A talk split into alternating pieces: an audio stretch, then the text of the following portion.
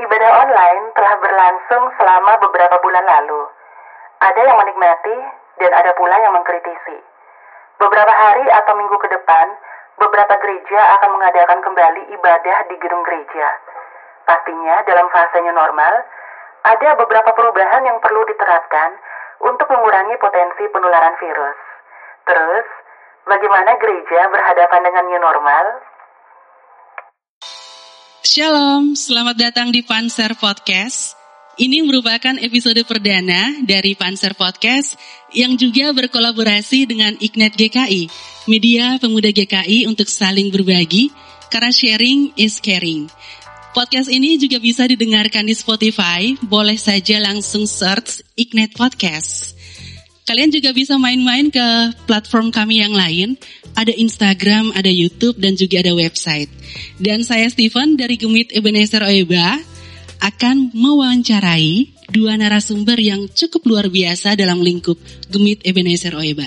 Ada Pendeta Robert Little Noni STH. Selamat malam Pak. Selamat malam. Iya, Bapak Bobi ini biasa disapa Pak Bobi ya. Ya. Sebagai Ketua Majelis Gemit Ebenezer Oeba saat ini dan juga pernah menjadi Ketua Sinode Gemit periode berapa Pak? Periode 2011-2015. Oke, wah lumayan panjang perjalanannya. Dan juga ada Victor Rairutu nih. Saya nyapanya kakak aja ya. Kakak aja masih Oke, muda. masih muda. Ini ketua pemuda yang terbaru dari Gemit Ebenezer Oeba. Ya. Iya, benar sekali. Ya, ini kita langsung aja Pak ya di pertanyaan pertama. Sebelum kita masuk pada pembahasan mengenai era new normal, di 2020 ini kalau kita lihat semenjak pandemi mulai menyebar, virus corona dan sebagainya ini menimbulkan banyak korban, Pak. Kemudian lantas eh, aktivitas kita ini banyak sekali yang terdisrupsi. Nah, menurut pandangan Bapak, bagaimana gambaran daripada dampak COVID-19 ini di Nusa Tenggara Timur, terkhususnya di wilayah Kota Kupang?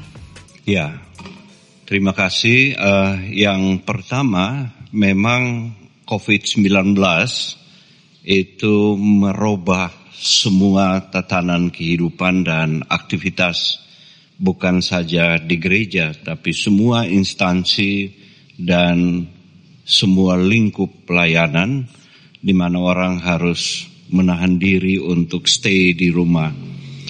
Dan sesungguhnya uh, COVID-19 ini adalah sebuah peristiwa pandemi global Iya. yang bukan saja dialami oleh kita di NTT atau di Kupang, tetapi di seluruh dunia.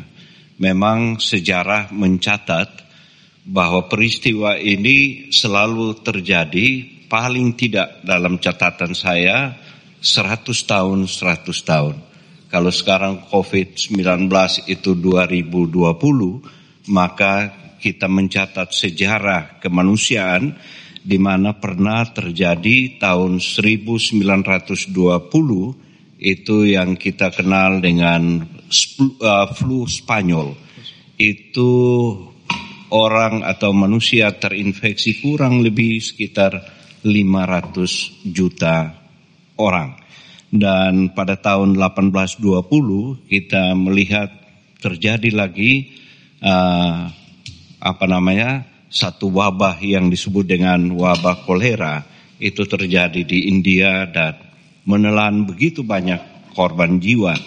Kita urut lagi ke bawah, uh, wabah sampar itu terjadi pada tahun 1720. Itu dialami pertama kali itu di Marseille, di Prancis dan itu menelan begitu banyak korban jiwa.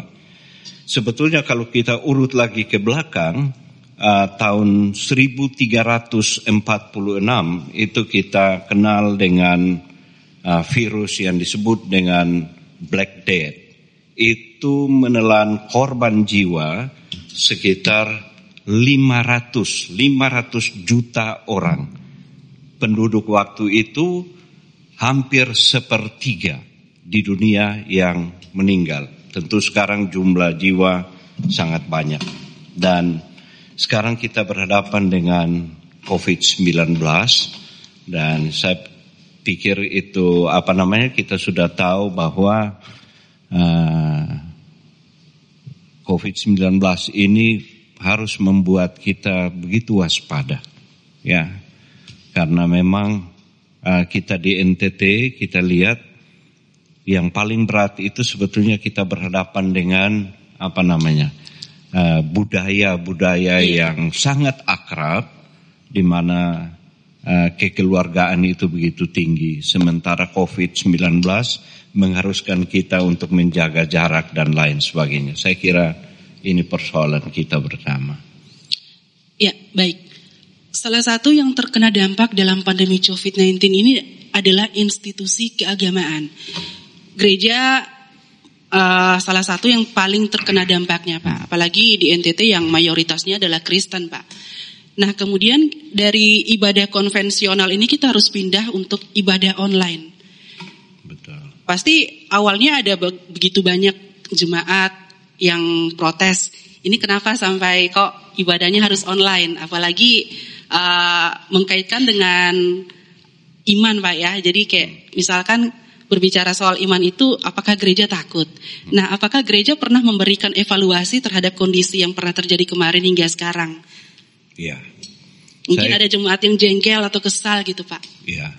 Saya kira soal ini sama dengan peristiwa-peristiwa yang terjadi yang saya sudah sebutkan dalam sejarah di mana gereja juga pernah ditutup, bukan sekarang. Iya. Tapi kejadian-kejadian dulu itu juga pernah gereja ditutup. Nah, memang ada bahasa yang ya yang kami dengar ya, yaitu bahwa sebagian dari jemaat katakan bahwa ini gereja kurang beriman. Ya, gereja lebih takut pada COVID-19 daripada takut kepada Tuhan. Benar. Ya, Padahal sesungguhnya iman kita mengajarkan kita untuk bagaimana menghargai sebuah kehidupan. Jadi kita sudah tahu bahwa bahaya COVID ini begitu luar biasa. Lalu atas dasar iman kita ingin untuk menabrak ya menabrak atau melawan COVID-19 dengan cara-cara yang tidak ini. Saya kira justru iman kita mengajarkan kepada kita untuk berhati-hati memelihara kehidupan kita. Dengan cara tentu protokol kesehatan itu kita harus patuhi. Jadi saya kira itu langkah yang paling baik. Karena itu gereja tidak merasa bahwa ibadah online atau streaming atau ya dengan teknologi digital sesuatu yang salah. Sebab saya kira ini semua adalah cara-cara yang bisa kita tempuh dalam situasi-situasi yang sangat sulit.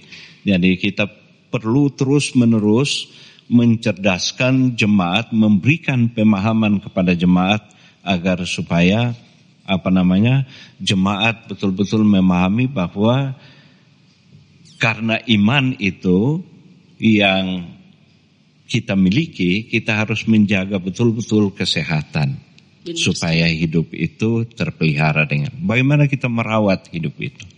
Iya. Ah, ini kalau kalau kita bicara mengenai ibadah online, Pak ya. Terakhir kalau saya ingat sekali itu bulan Maret ibadah terakhir kita yang konvensional sebelum kemudian uh, masuk kepada ibadah online. Saya mau tanya sedikit kepada Kak Victor nih. Kemarin kalau nggak salah bulan Maret itu pemuda cukup lumayan aktif untuk mempersiapkan protokol uh, untuk kelancaran ibadah. Pengalaman kemarin seperti apa? Ya, pengalaman kemarin sih kita ini masih baru kak. Kita hmm. baru habis dipilih dan belum sempat ditabis. Oke. Okay. Karena corona. Corona. Ya, jadi sementara pas kita baru-baru dipilih dan belum ditabis corona dan tidak boleh gereja gitu. Ya kita pemuda inisiatif kak. Kita pemuda inisiatif untuk ayo kita pemuda urung-urungan nih. Kita buat sanitizer. Kita jaga nanti pas kebaktian dari pintu masuk tuh orang datang nanti pemuda yang layani. Terus kita nanti mulai dari cuci tangan. Ya mulai dari cuci tangan, sanitizer. Terus nanti yang di dalam tuh ada pemuda yang arahkan duduknya gimana okay. gimana gitu. Fogging juga dilakukan pada saat itu. Kalau itu kita rame-rame ya Bapak. Pas hmm. sehari iya. sebelum yeah. sehari sebelum ibadat kita rame-rame bersihkan gereja sama-sama pemuda. Okay. Ada protes kah mungkin? Protes kurang tahu sih kak. Sensitif tuh kak. Iya iya. Ya apalagi ini kan beradaptasi dengan situasi baru menimbulkan banyak pertanyaan waktu itu Pak ini kenapa harus cuci tangan kita kan sudah mandi yeah. hmm. kayak gitu apalagi jaraknya harus diatur sedemikian rupa ada yang sampai duduk di luar waktu hmm. itu kalau saya ingat hmm. ya Pak ini saya mau nanya sedikit dari ibadah terakhir yang konvensional itu kita masuk ke ibadah online. Untuk persiapan memasuki ibadah online ini apakah strateginya sudah sesuai dengan kebutuhan jemaat Pak? Karena kalau kita bicara mengenai pelayanan secara online ini banyak sekali pilar yang kemudian menjadi mati suri. Betul. Iya, saya kira itu soalnya di situ. Tapi saya mau gambarkan sedikit tentang ibadah. Memang ibadah itu kan apa namanya persekutuan antara kita dengan Tuhan. Ya, di mana kita dipanggil bersekutu dan memuliakan nama Tuhan. Sekarang ini yang kita terapkan beberapa bulan yaitu ibadah online, mereka merasa memang ibadah itu hidup gitu, jalan di dalam rumah tangga di satu sisi sangat positif, tetapi di sisi yang lain mereka merindukan untuk kalau bisa ada ibadah di mana mereka tidak saja berhubungan dengan Tuhan secara vertikal, tetapi bagaimana horizontal antara sesama sebagai sebuah persekutuan dan itu jiwa dari bergereja itu bisa terjadi. Karena itu dengan uh, pemerintah menerapkan new normal sebenarnya satu upaya gereja untuk mengantisipasi adalah tentu menyiapkan semua perangkat yang ada termasuk dalam gedung itu bagaimana oh, jemaat itu tetap melaksanakan sesuai dengan protokol kesehatan. Itu yang yang pertama. Yang kedua, memang uh, mengenai uh, ibadah online ya atau live streaming apa pun bentuknya saya kira itu satu cara yang uh, sebenarnya Tuhan siapkan buat kita jadi ibadah mereka yang katakanlah masih merasa takut atau karena usia atau karena masih anak-anak mereka bisa mengikuti kebaktian di rumah. Jadi sekarang ini nanti tanggal berapa nih? Tanggal 21 ya, 21. 21 itu kita akan baru mulai ibadah di gereja, tetapi ibadah online itu tetap ya, ibadah ya, saya kira tetap, ya. gereja tetap siapkan. Berbicara mengenai ibadah online ini kan uh, bukan hanya di channel Gemit Ebenezer Oiba saja. Ini kalau boleh dibilang pemuda juga menyiapkan satu channel yang menurut saya luar biasa, Pak. Boleh diceritakan sedikit mungkin Kak Victor? Kenapa sampai ada Panser Oiba dengan channelnya mungkin bisa mendistraksi jemaat yang memiliki hmm. kerinduan untuk beribadah kembali. Jadi awalnya bikin channel YouTube-nya kita ini pertama itu pas pasca kak. Pas pasca. Pas pasca terus kita pemuda baru dibentuk grup WA kita baru aktif nih terus kita bingung kita ini harus buat apa nih biar ada panas-panasnya dulu kan. Iya. Ya, kita buat kita buat foto pegang kertas selamat hari raya pasca kasih pesan penyemangat gitu terus kita edit satu-satu terus kita tayang di YouTube itu video itu awal. yang paling pertama iya ya? itu yang paling pertama kak tujuan kita sih cuman ini kak pengen kita pengen temanin teman-teman yang ada di rumah kita memberikan konten yang inspiratif dan kreatif yang ya sekiranya dapat menghibur lah di saat kondisi yang kemarin itu.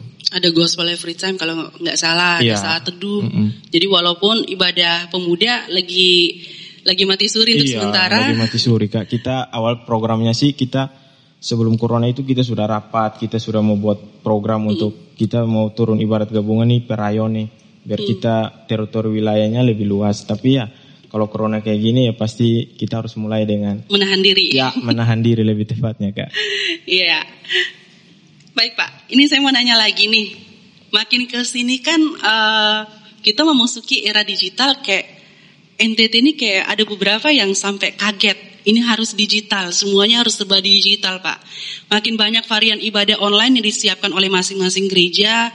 Ada jemaat yang kemudian merasa harus bingung nih gimana mau nonton yang mana kayak gitu.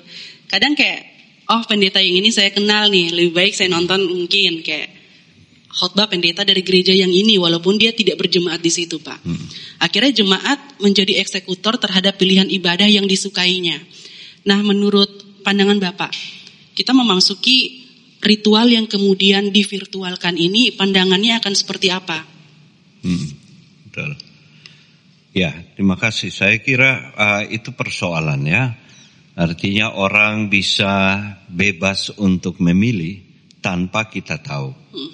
Ya dia bisa akses ya lewat YouTube misalnya khotbah-khotbah siapa pun hmm. itu tentu dia bebas untuk memilih. Hmm. Karena itu menurut hemat saya uh, gereja tidak bisa melepaskan ya jemaatnya untuk mengakses semua tanpa dia tercabut dari akar. Katakanlah misalnya jemaat uh, Gemit Ebenezer Oeba dia bisa mengakses semua ya channel yang ada, khotbah-khotbah yang ada. Tetapi bagaimana gereja dapat mempersiapkan mereka dengan cara-cara yang yang lebih khusus kepada mereka. Itu yang paling penting.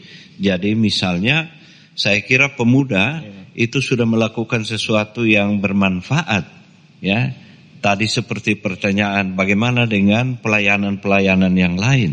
Sekarang ini misalnya uh, pelayanan par, kaum bapa, perempuan itu menjadi lumpuh begitu. Iya. Karena belum tersentuh dengan apa namanya situasi karena Covid seperti ini.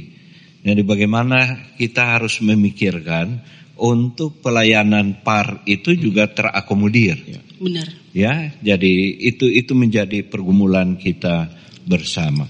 Jadi orang mau menonton apa namanya uh, channel khotbah dari berbagai pendeta atau gereja silakan. Hmm. Saya kira itu haknya, tetapi harus ada ikatan-ikatan yang kuat hmm. dengan tiap anggota jemaat. Jangan sampai dia tercabut dari akar ya dari hidup berjemaat di Ebenezer Oeba misalnya. Hmm. Jadi saya kira itu yang harus kita pikirkan di era yang baru ini.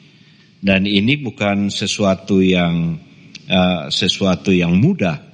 Karena misalnya saya kasih contoh orang bisa apa namanya uh, tiap jemaat itu pertanyaannya apakah dia sudah punya wifi itu soal. Lalu kalau hanya rekaman-rekaman orang merekam itu dan kasih untuk dia dengar lewat channel YouTube khotbah orang lain ya itu sulit gereja untuk bisa membatasi atau bisa apa namanya mengupayakan dia tidak tercabut dari akar.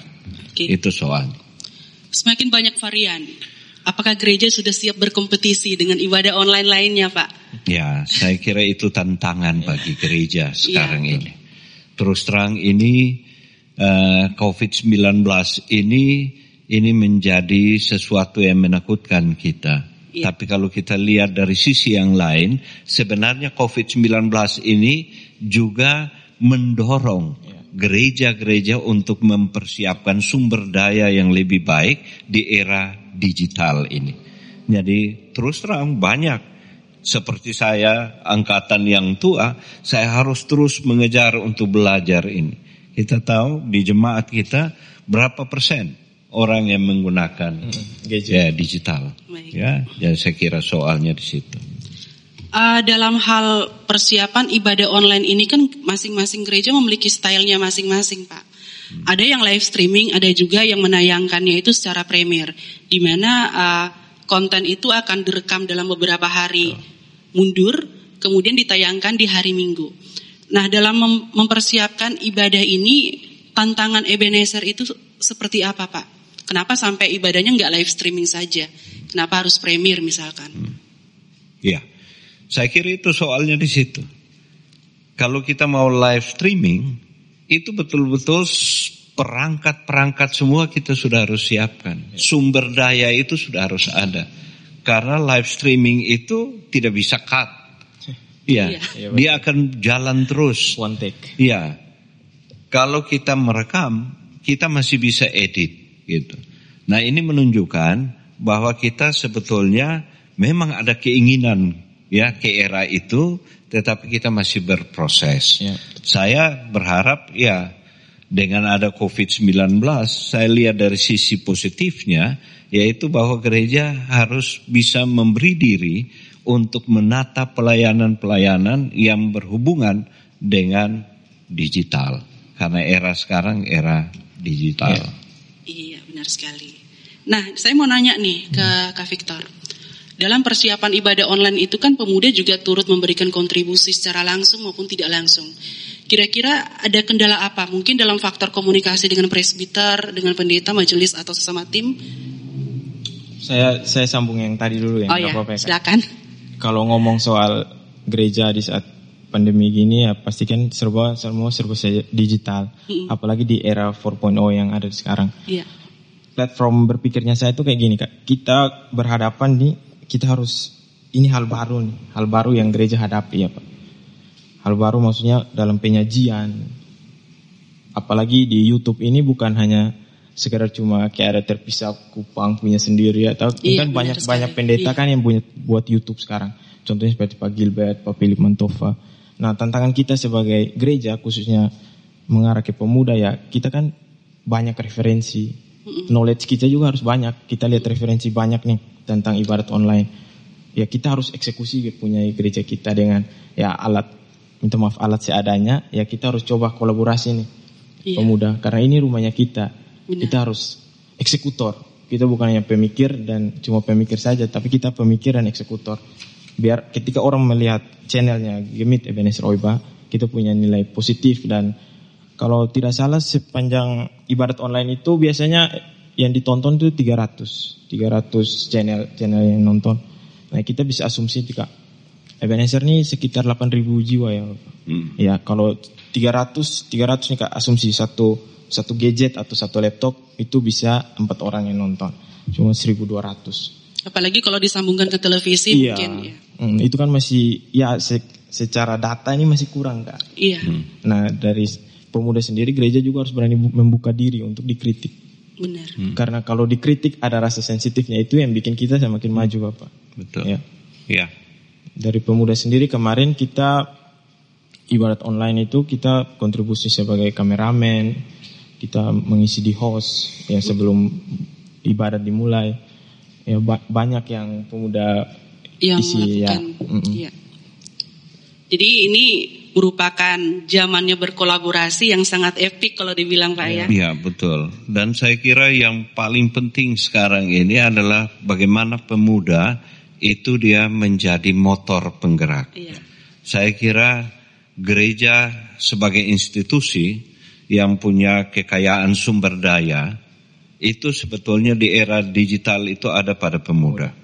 Dan gerakan yang kita buat sekarang ini, pemuda buat, adalah salah satu bentuk yang baik untuk gereja.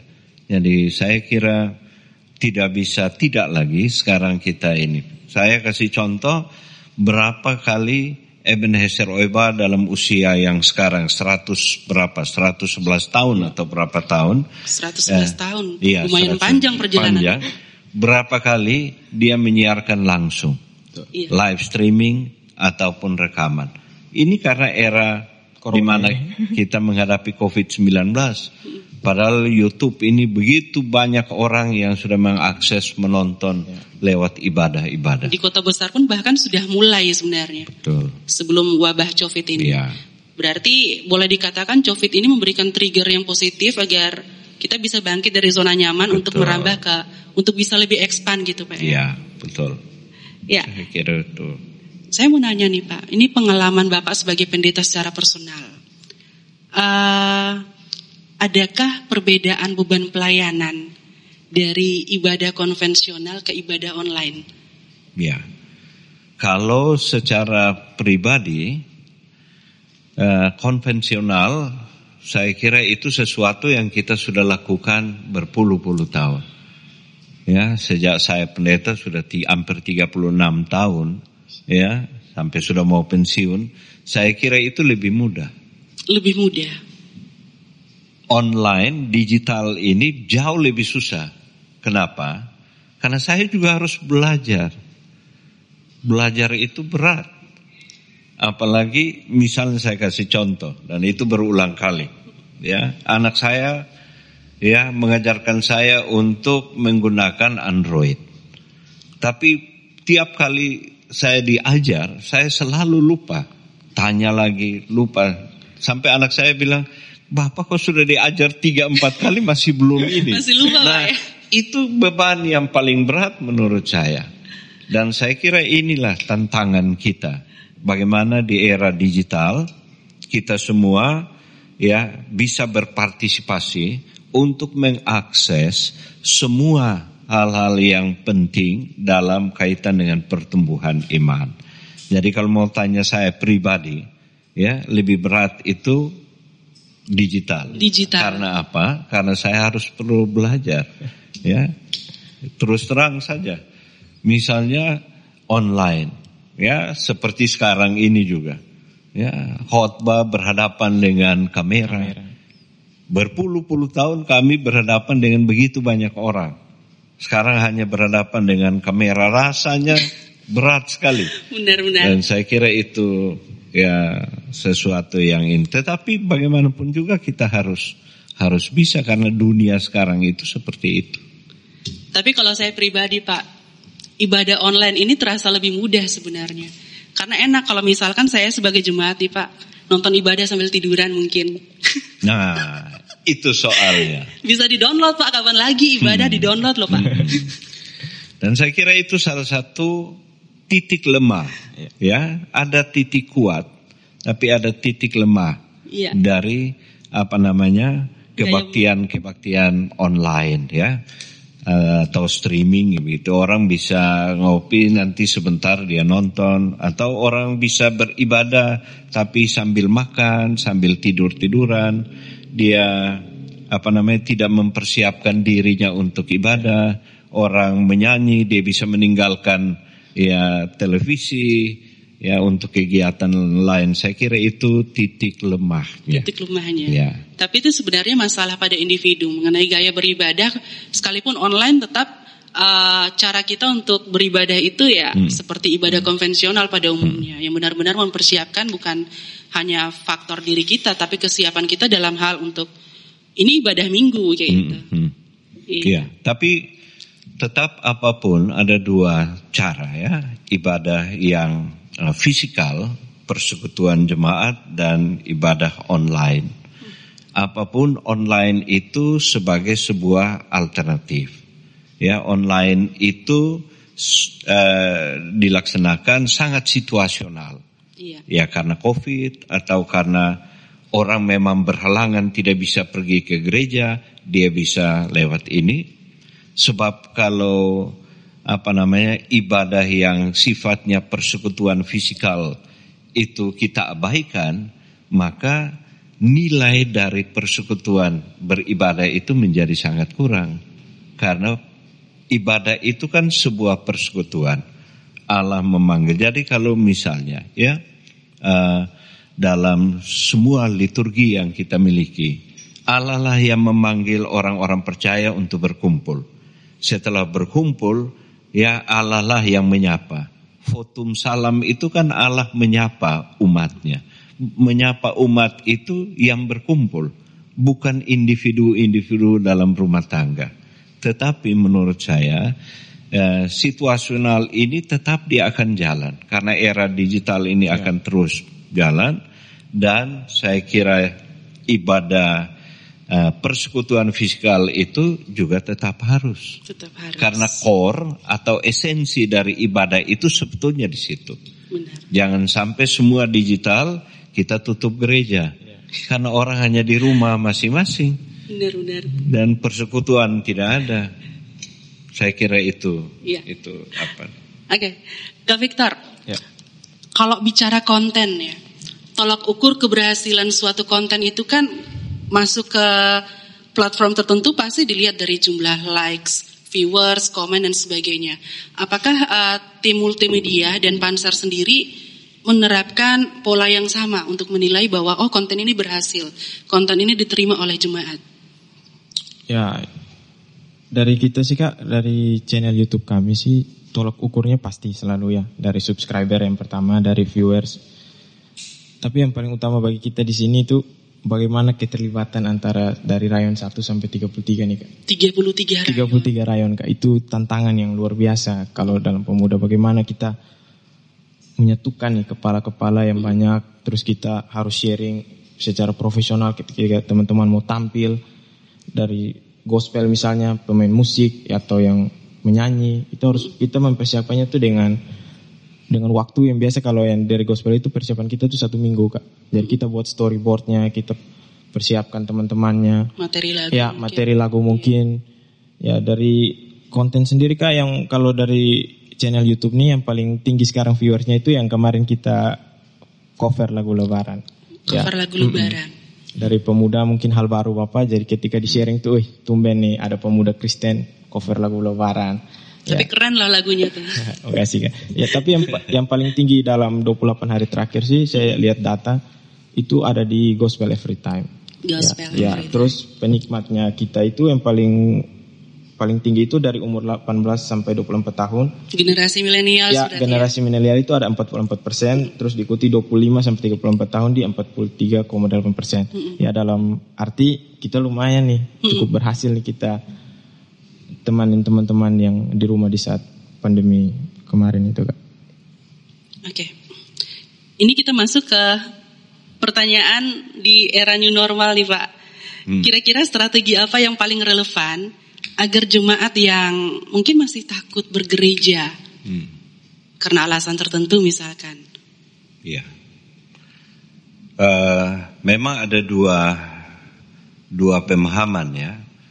Eh, selalu orang katakan begini, ini soal interpretasi. Dulu normal, lalu masuk ke COVID-19 tidak normal. Lalu kemudian ada istilah yang baru new normal. New normal. Jadi kalau orang Kupang menerjemahkan begini, dulu normal, COVID tidak normal, sekarang baru normal. Baru normal ini artinya bagi dia ya sudah, sudah seperti yang lalu. Padahal new normal punya pengertian yang berbeda, ya. Di mana uh, new normal itu mau menunjukkan bahwa uh, perilaku itu harus berubah kebiasaan-kebiasaan itu harus berubah. Jadi dia tidak kembali seperti normal yang lalu, tetapi normal new normal ini ya itu harus terjadi perubahan-perubahan sikap, perubahan-perubahan cara pandang ya terhadap sesuatu yang lain. Itu yang pertama. Jadi misalnya dulu orang ketemu apalagi orang Kupang atau kita pergi ke orang mati, rasanya tidak mungkin kalau kita hanya bilang ya menunjukkan tangan begini. Ini sesuatu yang aneh. Atau di gereja kita ketemu dalam persekutuan semua harus cium. Nah, new normal itu tidak berarti sekarang ini ketemu orang kita cium juga. Tidak. Karena perilaku itu harus berubah. Ya, kebiasaan itu harus berubah. Cara pandang itu harus berubah. Yaitu apa? Yaitu tetap menjaga agar supaya karena virus ini tidak akan pernah bisa hilang. Dia tetap ada. Kita tunggu sampai vaksinnya ada, tetap dia ada juga. Ya. Jadi saya kira yang paling penting adalah protokol kesehatan itu itu adalah cerminan dari bagaimana kita menyikapi apa namanya situasi yang baru, perilaku yang baru, ya karena ya cium itu budaya kita, ya. Tapi dengan mencium seseorang kita tidak tahu ada bakteri, ada virus apa. Nah karena itu new normal ini harus membuat kita berhati-hati, ya paling tidak akan merubah cara pandang kita.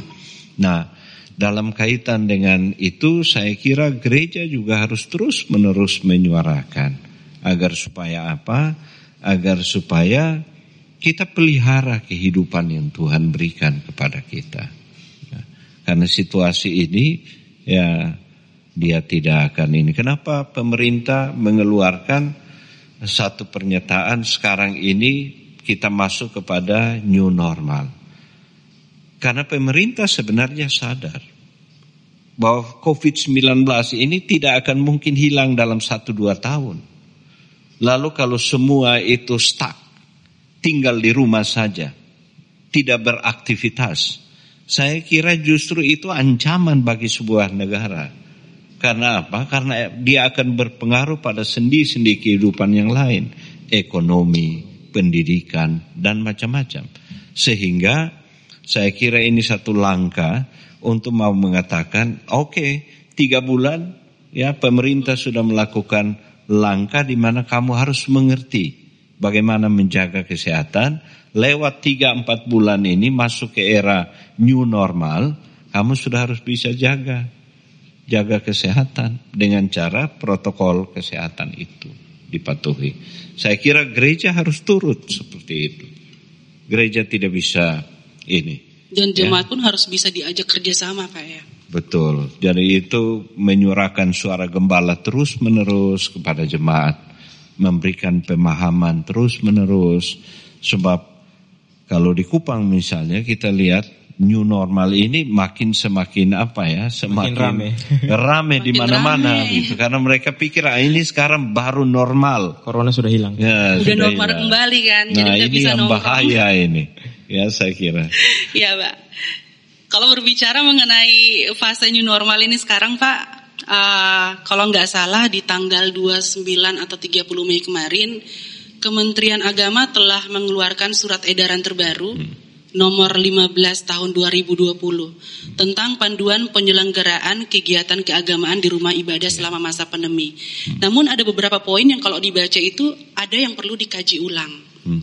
Salah satunya adalah uh, mempersingkat ibadah. Sedangkan kalau kita bicara mengenai gereja Masehi Injili di Timor, ini memiliki liturgi yang sangat khas, Pak. Kira-kira ini mempersingkat ibadah apakah khotbahnya yang dipersingkat atau model liturginya yang akan diperbaharui dengan liturgi yang baru? Hmm.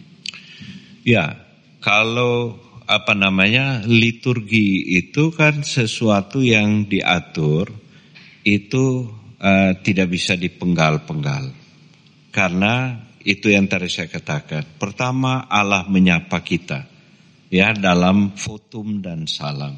Lalu ada respons dari jemaat. Habis respons ada pengakuan dosa. Ya umat mengaku dosa lalu Allah menjawab ya berita anugerah Allah.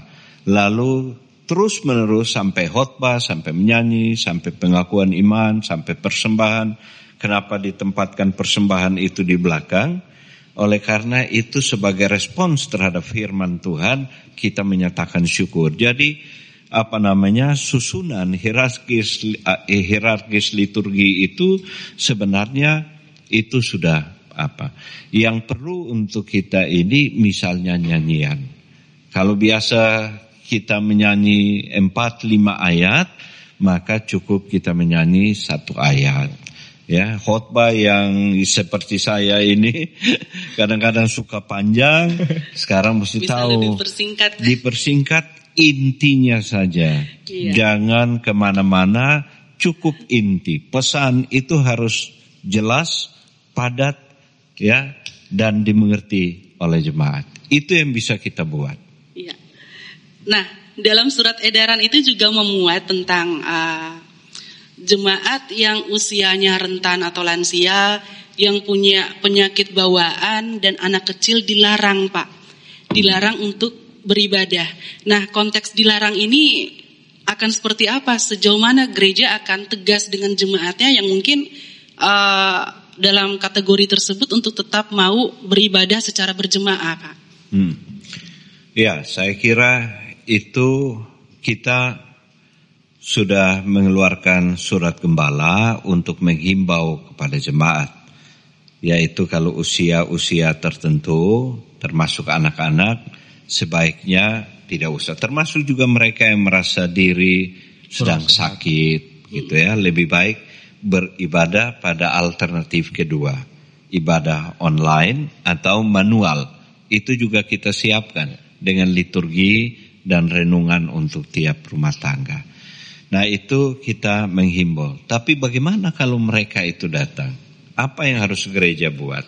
Saya kira gereja juga harus bijak. Kalau orang tua atau anak-anak yang datang, kita tentu tidak bisa, eh kamu pulang begitu. Iya, benar. Tidak mungkin. Masalah baru. Ini kan ya. takutnya interpretasinya bakal jauh Pak. Ini seolah-olah gereja kejam. Iya, Ada diskriminasi betul, di sini. Betul. Sehingga gereja harus bijak di situ. Iya. Mungkin mereka-mereka yang kurang mendapat informasi tapi sudah terlanjur datang, itu gereja tentu harus menyiapkan tempat khusus buat mereka. Oke. Ya, supaya apa? Mereka yang rentan terhadap COVID-19 ya dijauhkanlah dari COVID itu agar supaya mereka dipel, di, apa eh, terpelihara dengan baik. Jadi tempat khusus memang kita harus siapkan. Nanti di mana mungkin di konsistori atau di mana yang penting mereka itu bisa dengar dan yang kedua tidak boleh menyuruh mereka untuk pulang. Iya. Kecuali misalnya uh, tes suhu Ya. badan sangat tinggi itu dianjurkan untuk ya bagaimana mereka bisa kembali untuk beristirahat. Dan kami menempatkan nanti dengan ketua pemuda kami sudah bicara Sudah ada Tiap- kolaborasi berarti. Ya, Iya. tiap kebaktian ada dokter, ada dokter yang tetap Menemani. ada. Kalau tidak kan bisa duduk bisa duduk di luar juga kan Bapak ya kalau Iya, yang Betul, dalam usia yang rentan. betul. Jadi kita bisa siapkan kursi sepanjang keliling gereja Iya. di luar. Siapa yang merasa lebih nyaman duduk di luar silakan. Iya. Tapi siapa yang mau di dalam silakan. Nanti kalau ada orang tua, kita juga akan atur begitu di luar. Tapi kalau dia mungkin sangat tua, kita mungkin bisa atur di dalam ruangan tapi di belakang di konsistori. Yang penting dia ikut ibadah dan mendengar. Tapi himbauan untuk koordinator tiap rayon ada Bapak untuk penekanan usia yang rentan agar di rumah. Ada, sudah ada. Jadi maksimal itu 75 tahun. Berarti di bawah usia 7, 75 tahun masih boleh diperbolehkan. Masih boleh. Ya. Oke. Kategori usia ini merujuk pada petunjuk uh, surat edaran atau dari PGI sendiri atau sinode mungkin Pak? Ya, itu dari uh, sinode itu ada surat edaran, tetapi juga dari protokol kesehatan. Ya, dari protokol kesehatan itu juga ada.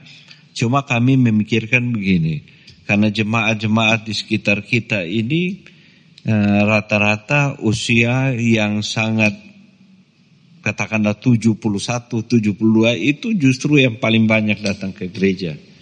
Jadi kita sebetulnya batasan umur itu 70, tapi kita pasang 75 tahun. Nanti perlakuannya perlakuan khusus. Itu yang paling penting. Jangan kita samakan dengan semua. Nanti kita akan lihat majelis yang bertugas, ah, ini umur di atas 70 tahun misalnya, 73, 74. Berarti dia diperlakukan khusus. Oke. Kan gereja juga kan sudah membagi Kak. Jadi kebaktian pertama nih dari rayon 1 sampai Oh sudah dibagi. Ya, Ya. dari- Ada berapa kali ibadah nantinya? ada empat kali. Empat kali. Baik. Jadi biasanya tiga kali, kita bagi empat kali. Kenapa? Eh, sudah empat kali untuk 33 rayon.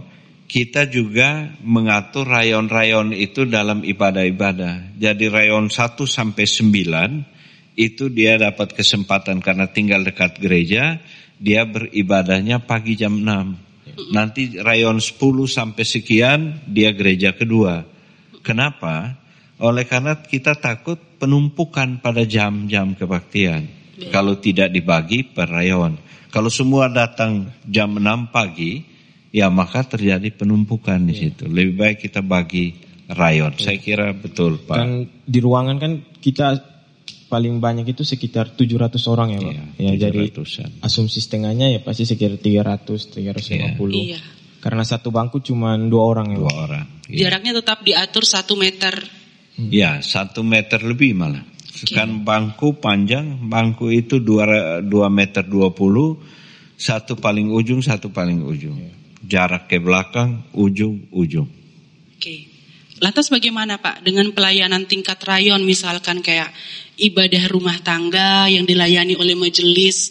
Kalau dilihat nih kan bergiliran setiap minggu tidak semua jemaat itu memiliki rumah yang besar-besar untuk menampung kegiatan ibadah tersebut Pak. apakah diperbolehkan ataukah uh, ditunda sementara hmm. atau gimana? Iya. Jadi dulu sebelum Covid itu ibadah rumah tangga itu terdiri dari beberapa rumah tangga yang ada di sekitar situ. Nah, setelah Covid kita mendorong agar supaya tiap rumah tangga itu beribadah sendiri di dalam rumah tangganya. Dan itu masih akan terus berjalan. Kita belum memberikan ruang kepada majelis jemaat di tiap rayon agar supaya mereka beribadah seperti semula. Seperti semula. Ya, jadi mereka uh, tapi ada sedikit kelonggaran. Saya kira ini satu cara yang baik karena majelis ini sudah ditabiskan dan mereka juga harus melayani.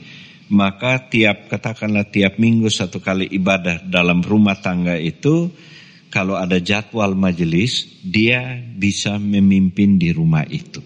Jadi dia sendiri pergi ke rumah itu untuk memimpin tanpa bergabung dengan rumah tangga-rumah tangga yang lain. Supaya Berarti apa? keluarga Pak ya? Iya, untuk keluarga okay. itu. Apakah modelnya kan sama dengan ibadah pemuda ke depannya? Kalau sementara ibadah pemuda, kita ke depan nih Kak. Rencananya nanti kita dari pengurus, ah. kita akan turun ke beberapa di tiap-tiap rayon. Tapi itu kita sampaikan protokol kesehatannya. Jadi misalnya dari pengurus cuma empat orang, dari mereka nanti empat orang, nanti kita duduknya berjarak. Atau kalau tidak ke tempatnya yang tidak memungkinkan, ya kita undang mereka ke gereja. Gitu. Di aula kita bisa duduk dengan berjarak. Tapi yang penting kita dari pengurus sudah bisa nih, sudah bisa kita turun ke rayon-rayon biar kita tahu pendapat mereka tentang panser yang baik nih kayak gimana strategi pelayanannya ya, strategi juga. pelayanan kayak bagaimana kita bisa tahu bakat-bakatnya mereka nih kayak gimana mana biar istilahnya kami dari pemuda nih kak kami pengen dari pemuda nih bisa sumbang pemusik baru singer okay. baru multimedia baru regenerasi ya regenerasi terus karena soal pelayanan ini kalau bisa dibilang ini sensitif sensitif artinya tidak semua orang bisa korbankan waktu kak korbankan waktu korbankan ya banyak hal ya kak banyak iya. hal tentang pelayanan. Ya kita Benar. dari pemuda nih kita kan istilahnya pemuda tiang gereja nih kak. Pemuda tiang gereja ya. gimana nih pemuda bisa hadir untuk membantu gereja? Kita kan sebagai anak pak, sebagai, anak ya bapak. Sebagai anak ya kita harus tolong nih orang tua. Bahasa sederhana, sederhananya tuh kayak gitu. Ya pemuda harus kasih banyak hal yang untuk gereja biar gereja ke depan semakin hari semakin baik. Semakin ya. baik dan semakin bertumbuh mm -hmm. walaupun ya terdisrupsi dari aktivitas yeah. yang seharusnya Pak ya. Biar kalau corona lagi kita pemuda tidak kaget. Kita kaget. cari orang kerja ini, kerja ini, kerja ini kita yeah, sudah. Betul. Istilahnya corona ini kasih pelajaran. Iya, soalnya Bagaimana semua gereja, ya. jadi online kan. Semua jadi online. Jadi pemuda ini dari gereja dan pemuda sih harus membuka diri Kak. Iya. Harus belajar nih banyak hal. Iya. Kita harus berani buka diri, dikritik. Mm -mm. Kita tidak boleh tolak kritik Kak. Karena kritik Benar. itu sebenarnya yang bisa membangun gereja ke depan Benar. Karena kalau menurut saya sih banyak jemaat Ebenezer Bapak yang sudah mulai gereja di lain. Karena itu memang pilihan. Tapi kita sebagai gereja sih harus peka gitu kan. Kita hmm. harus peka. Apa sih yang kurang dari Ebenezer? Apa yang dibutuhkan Apa jemaat? yang dibutuhkan? Mulai dari musik mungkin. Hmm. Atau cara berkhotbah mungkin Bapak. Ya, ya. Banyak ya, hal. Platform berpikirnya itu kayak gitu kan. Iya. Banyak hal yang harus dikolaborasi dan ya biar kita bisa menyajikan suatu ibadah yang baik untuk jemaat. Iya benar. Dampak COVID-19 nih Pak, salah satunya kan yang paling dilihat selain orang usia lansia adalah anak-anak. Yang paling dikhawatirkan adalah anak-anak uh, susah mendapatkan akses pendidikan yang layak dan berkualitas. Kalau kita berbicara dalam lingkup Gemit itu sendiri, di Gemit Ebenezer Oeba punya taman kanak-kanak. Bahkan bukan hanya Gemit saja, uh, sekolah Katolik pun juga seperti itu misalkan. Nah ini akan seperti apa sikap gereja merespon tantangan dan kendala ini? Iya. Ya saya kira itu menjadi tantangan kita bersama. Bukan saja gereja, tapi pemerintah juga. Iya. Dari sejak merdeka sampai sekarang, saya kira pendidikan-pendidikan yang terjadi dalam hadap, menghadapi COVID-19 juga sama. Ya, di mana tingkat kelulusan dan anak-anak yang naik kelas, ya apakah ini berkualitas atau tidak. Nah ini menjadi pergumulan pemerintah dan apalagi gereja. Ya, gereja belum terbiasa dengan uh, era digital. Sehingga memang TK kita itu sementara ya memang libur. Iya. Diliburkan karena resikonya sangat besar. Nah, bagaimana mereka bisa uh, berkegiatan dalam apa namanya uh, pendidikan TK? Iya. Saya kira itu menjadi catatan penting untuk gereja. Bagaimana gereja memikirkan lingkup-lingkup pelayanan yang betul-betul bisa mengcover semua. Bukan saja TK, tapi par, pelayanan anak dan remaja. Ya, pemuda, puji Tuhan, ya sudah mulai bergerak dan dia menjadi pion, ya untuk membuka jalan dan saya pikir pemuda harus menjadi kalau bilang tadi apa istilah tiang gereja. Tiang gereja Benar. jadi tiang sekarang. Menunjukkan bahwa pemuda adalah tiang gereja untuk era digital, digital. ini. Itu yang saya kira paling penting. Nah, yang berikut pelayanan misalnya katekesasi. Ini mau bagaimana? Baptisan. Baptisan ini semua tantangan untuk gereja. Bagaimana gereja menyikapi ini. Dan COVID-19 ini mendorong gereja untuk harus cepat berpikir ke arah itu. Dan saya kira ini momen yang baik. Belum terlambat. Karena pemuda masih ada. Iya. Kecuali pemuda tidak ada di Ebenezer, wah itu bahaya.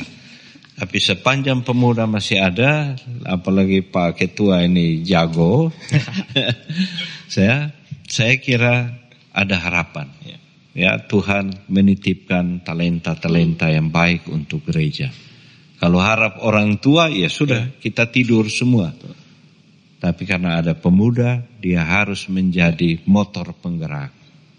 Saya kira itu. Kalau bisa ke depan pemuda ini dilibatkan sebagai pemikir juga Bapak. Jadi bukan hanya seorang eksekutor, ya, tapi kalau bisa betul. kita ini sama-sama dilibatkan. Memberikan ide. Ya, memberikan ya. ide dari awal biar hmm. kita di eksekutor nanti pas di pas pengerjaannya yeah. kita tahu arahnya ke mana.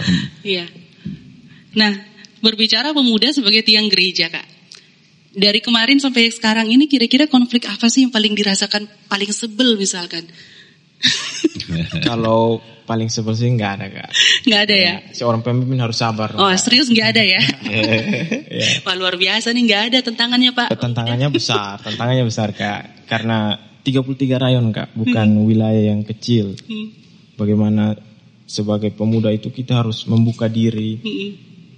Sebenarnya corona ini pemuda harus take the moment kak. Take the moment. Iya take the moment. Artinya pemuda harus banyak berkontribusi. Mm-hmm. Kalau soal fisik ya pasti yang paling kuat kan pemuda. Ya. Benar. Tapi tetap kita harus ikut aturan-aturan. Mm-hmm. Yang paling kenapa saya bilang take the moment karena pemuda harus banyak berkarya. Ini mm-hmm. rumah kita. Mm-hmm. Kita harus istilahnya kasih cinta sedikit untuk gereja. Benar. Karena gereja harus total. Ya, harus total. Karena kita kita melayani ini bukan bukan hanya untuk pribadi kita, tapi banyak banyak orang yang merasakan. Dan kalau kita bisa melayani dengan memberikan suatu hal yang baik, pasti orang-orang di rumah juga kan berdoa. Berdoa. Ya, karena satu kebaktian bisa sukses kayak misalnya kebaktian online bisa sukses karena banyak kontribusi di dalam bukan hanya cuma pendeta bukan hanya cuma majelis tapi hmm. orang belakang layar ini iya. juga Iya. Kadang-kadang banyak dilupakan. Aduh, ini udah sekian panjang perbincangan kita, Pak. Ini satu pertanyaan terakhir, tapi menurut saya yang paling menarik hmm. plot twistnya nih, Pak. Kalau ngobrol dengan jemaat, bahkan saya dengan Kak Victor sendiri suka ngobrol. Di era COVID ini, kendala bahkan uh, konflik, bahkan kayak ada hal-hal yang sedikit mengganggu, Pak, dalam pelayanan, bahkan dalam diri personal, Pak.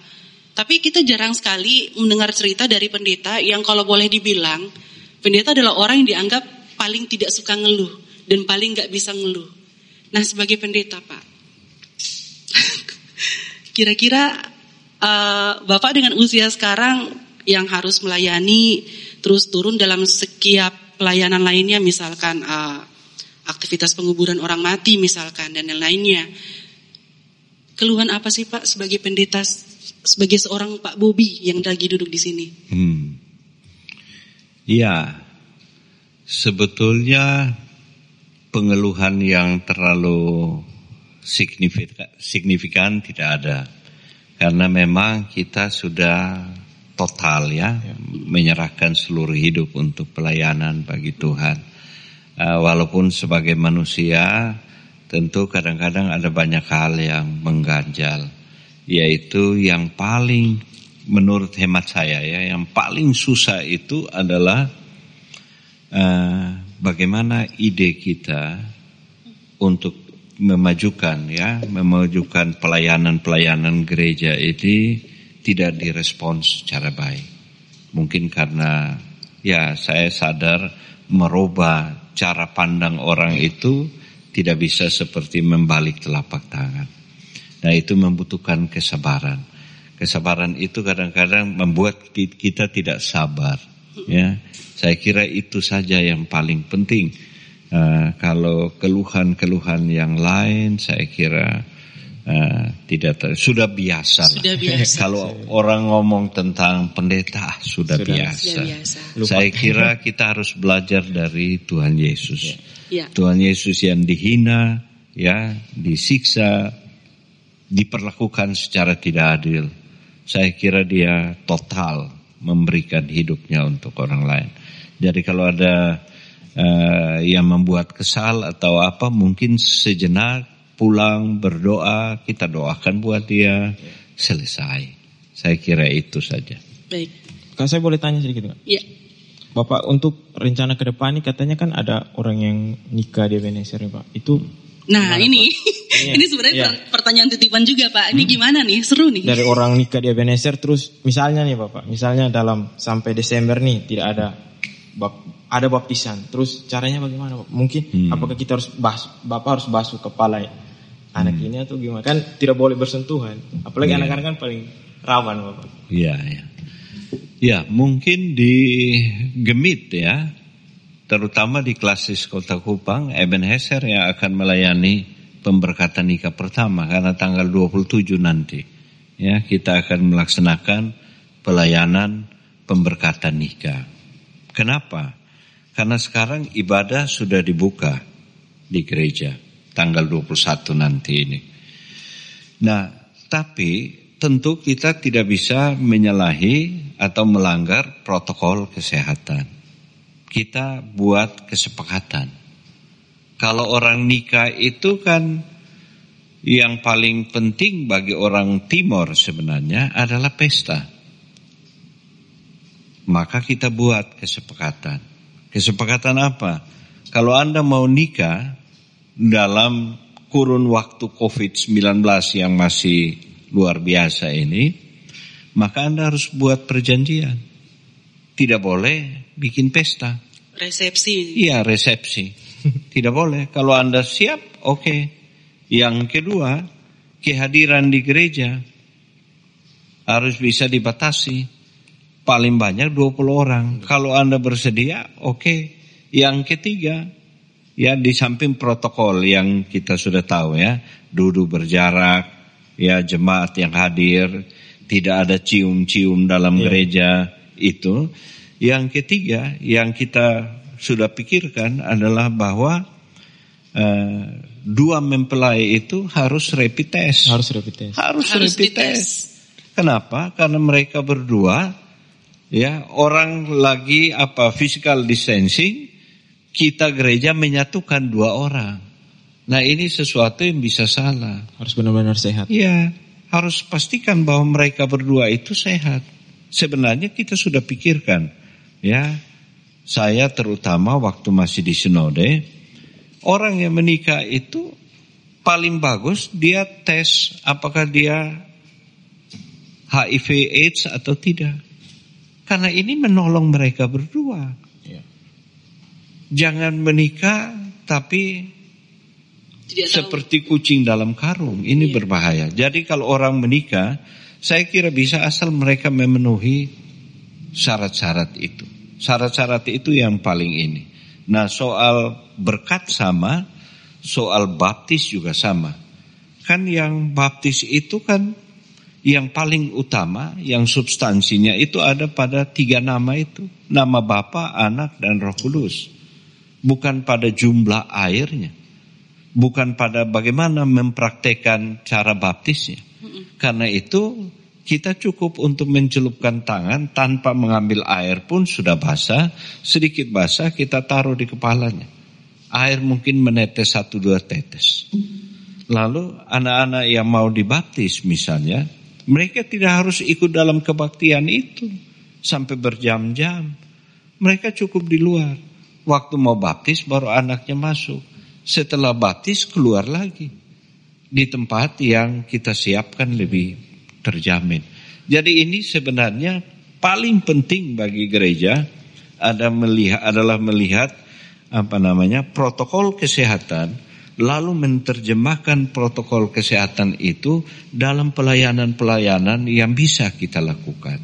Itu yang paling penting. Kalau orang mau nikah satu tahun dia harus tunda. Lebih baik kita bangun kompromi. Kalau kamu mau menikah tidak boleh bikin pesta hadir itu hanya 20. Tidak ada foto yang cium-cium dalam gereja.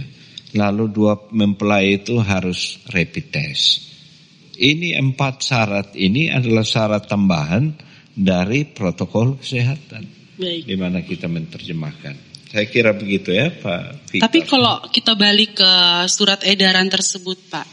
Uh, sebenarnya kan panduan itu hanya menyangkut pada lingkungan rumah ibadah saja. Hmm. Apakah gereja boleh mengintervensi untuk jemaatnya tidak boleh resepsi, Pak? Kan resepsinya bukan di gereja misalkan, hmm. mungkin pesta di rumah atau di hmm. gedung atau restoran. Hmm.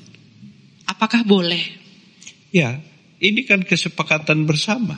Oke. Okay. Jadi kalau dia mau tidak bikin pesta, kita layani. Layani.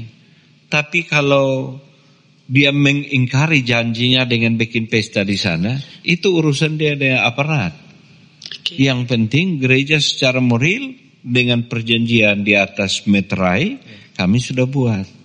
Tapi saya yakin jemaat tidak seperti itu. Pasti taat. Karena taat. sebelum pemberkatan nikah ada beberapa kali percakapan iya. penyembelaan. Iya. Di situ kita memberikan pengertian yang baik buat mereka. Ke Victor, nggak boleh resepsi. Nikah ini, boleh. Masih lama kak. Masih lama. Masih lama ya? Kirain tahun ini soalnya kan dengar dengar di belakang masih, tahun ini. masih cari pasangan kak. oh cari pasangan. Udah ketemu? Belum belum. Oh belum. Pergumulan kak. Hmm. ya. Yeah. pak ini kita yang terakhir nih. Ada pesan apa pak buat yang nonton yang dengar hari ini? Ya pesan yang pertama ya Tentu ini hal yang baru. Dan saya melihat bahwa apa yang kita lakukan sekarang ini adalah sebuah proses dari semua percakapan kita. Hidup bergereja dengan memanfaatkan era baru di mana kita sebut sebagai era digital. Itu yang pertama. Yang kedua, jadi kalau ada salah atau apa, ya itu hal yang biasa kalau orang proses untuk itu. Yang kedua, uh, saya kira eh, hal-hal yang berhubungan dengan perkembangan dunia, sebenarnya gereja harus terbuka. Ya. Itu yang paling utama. Dan seperti yang tadi saya katakan, kadang-kadang ide kita banyak, tapi karena sistem bergereja kita itu harus lewat satu keputusan rapat itu yang kadang-kadang membuat kita bisa bisa stres ya.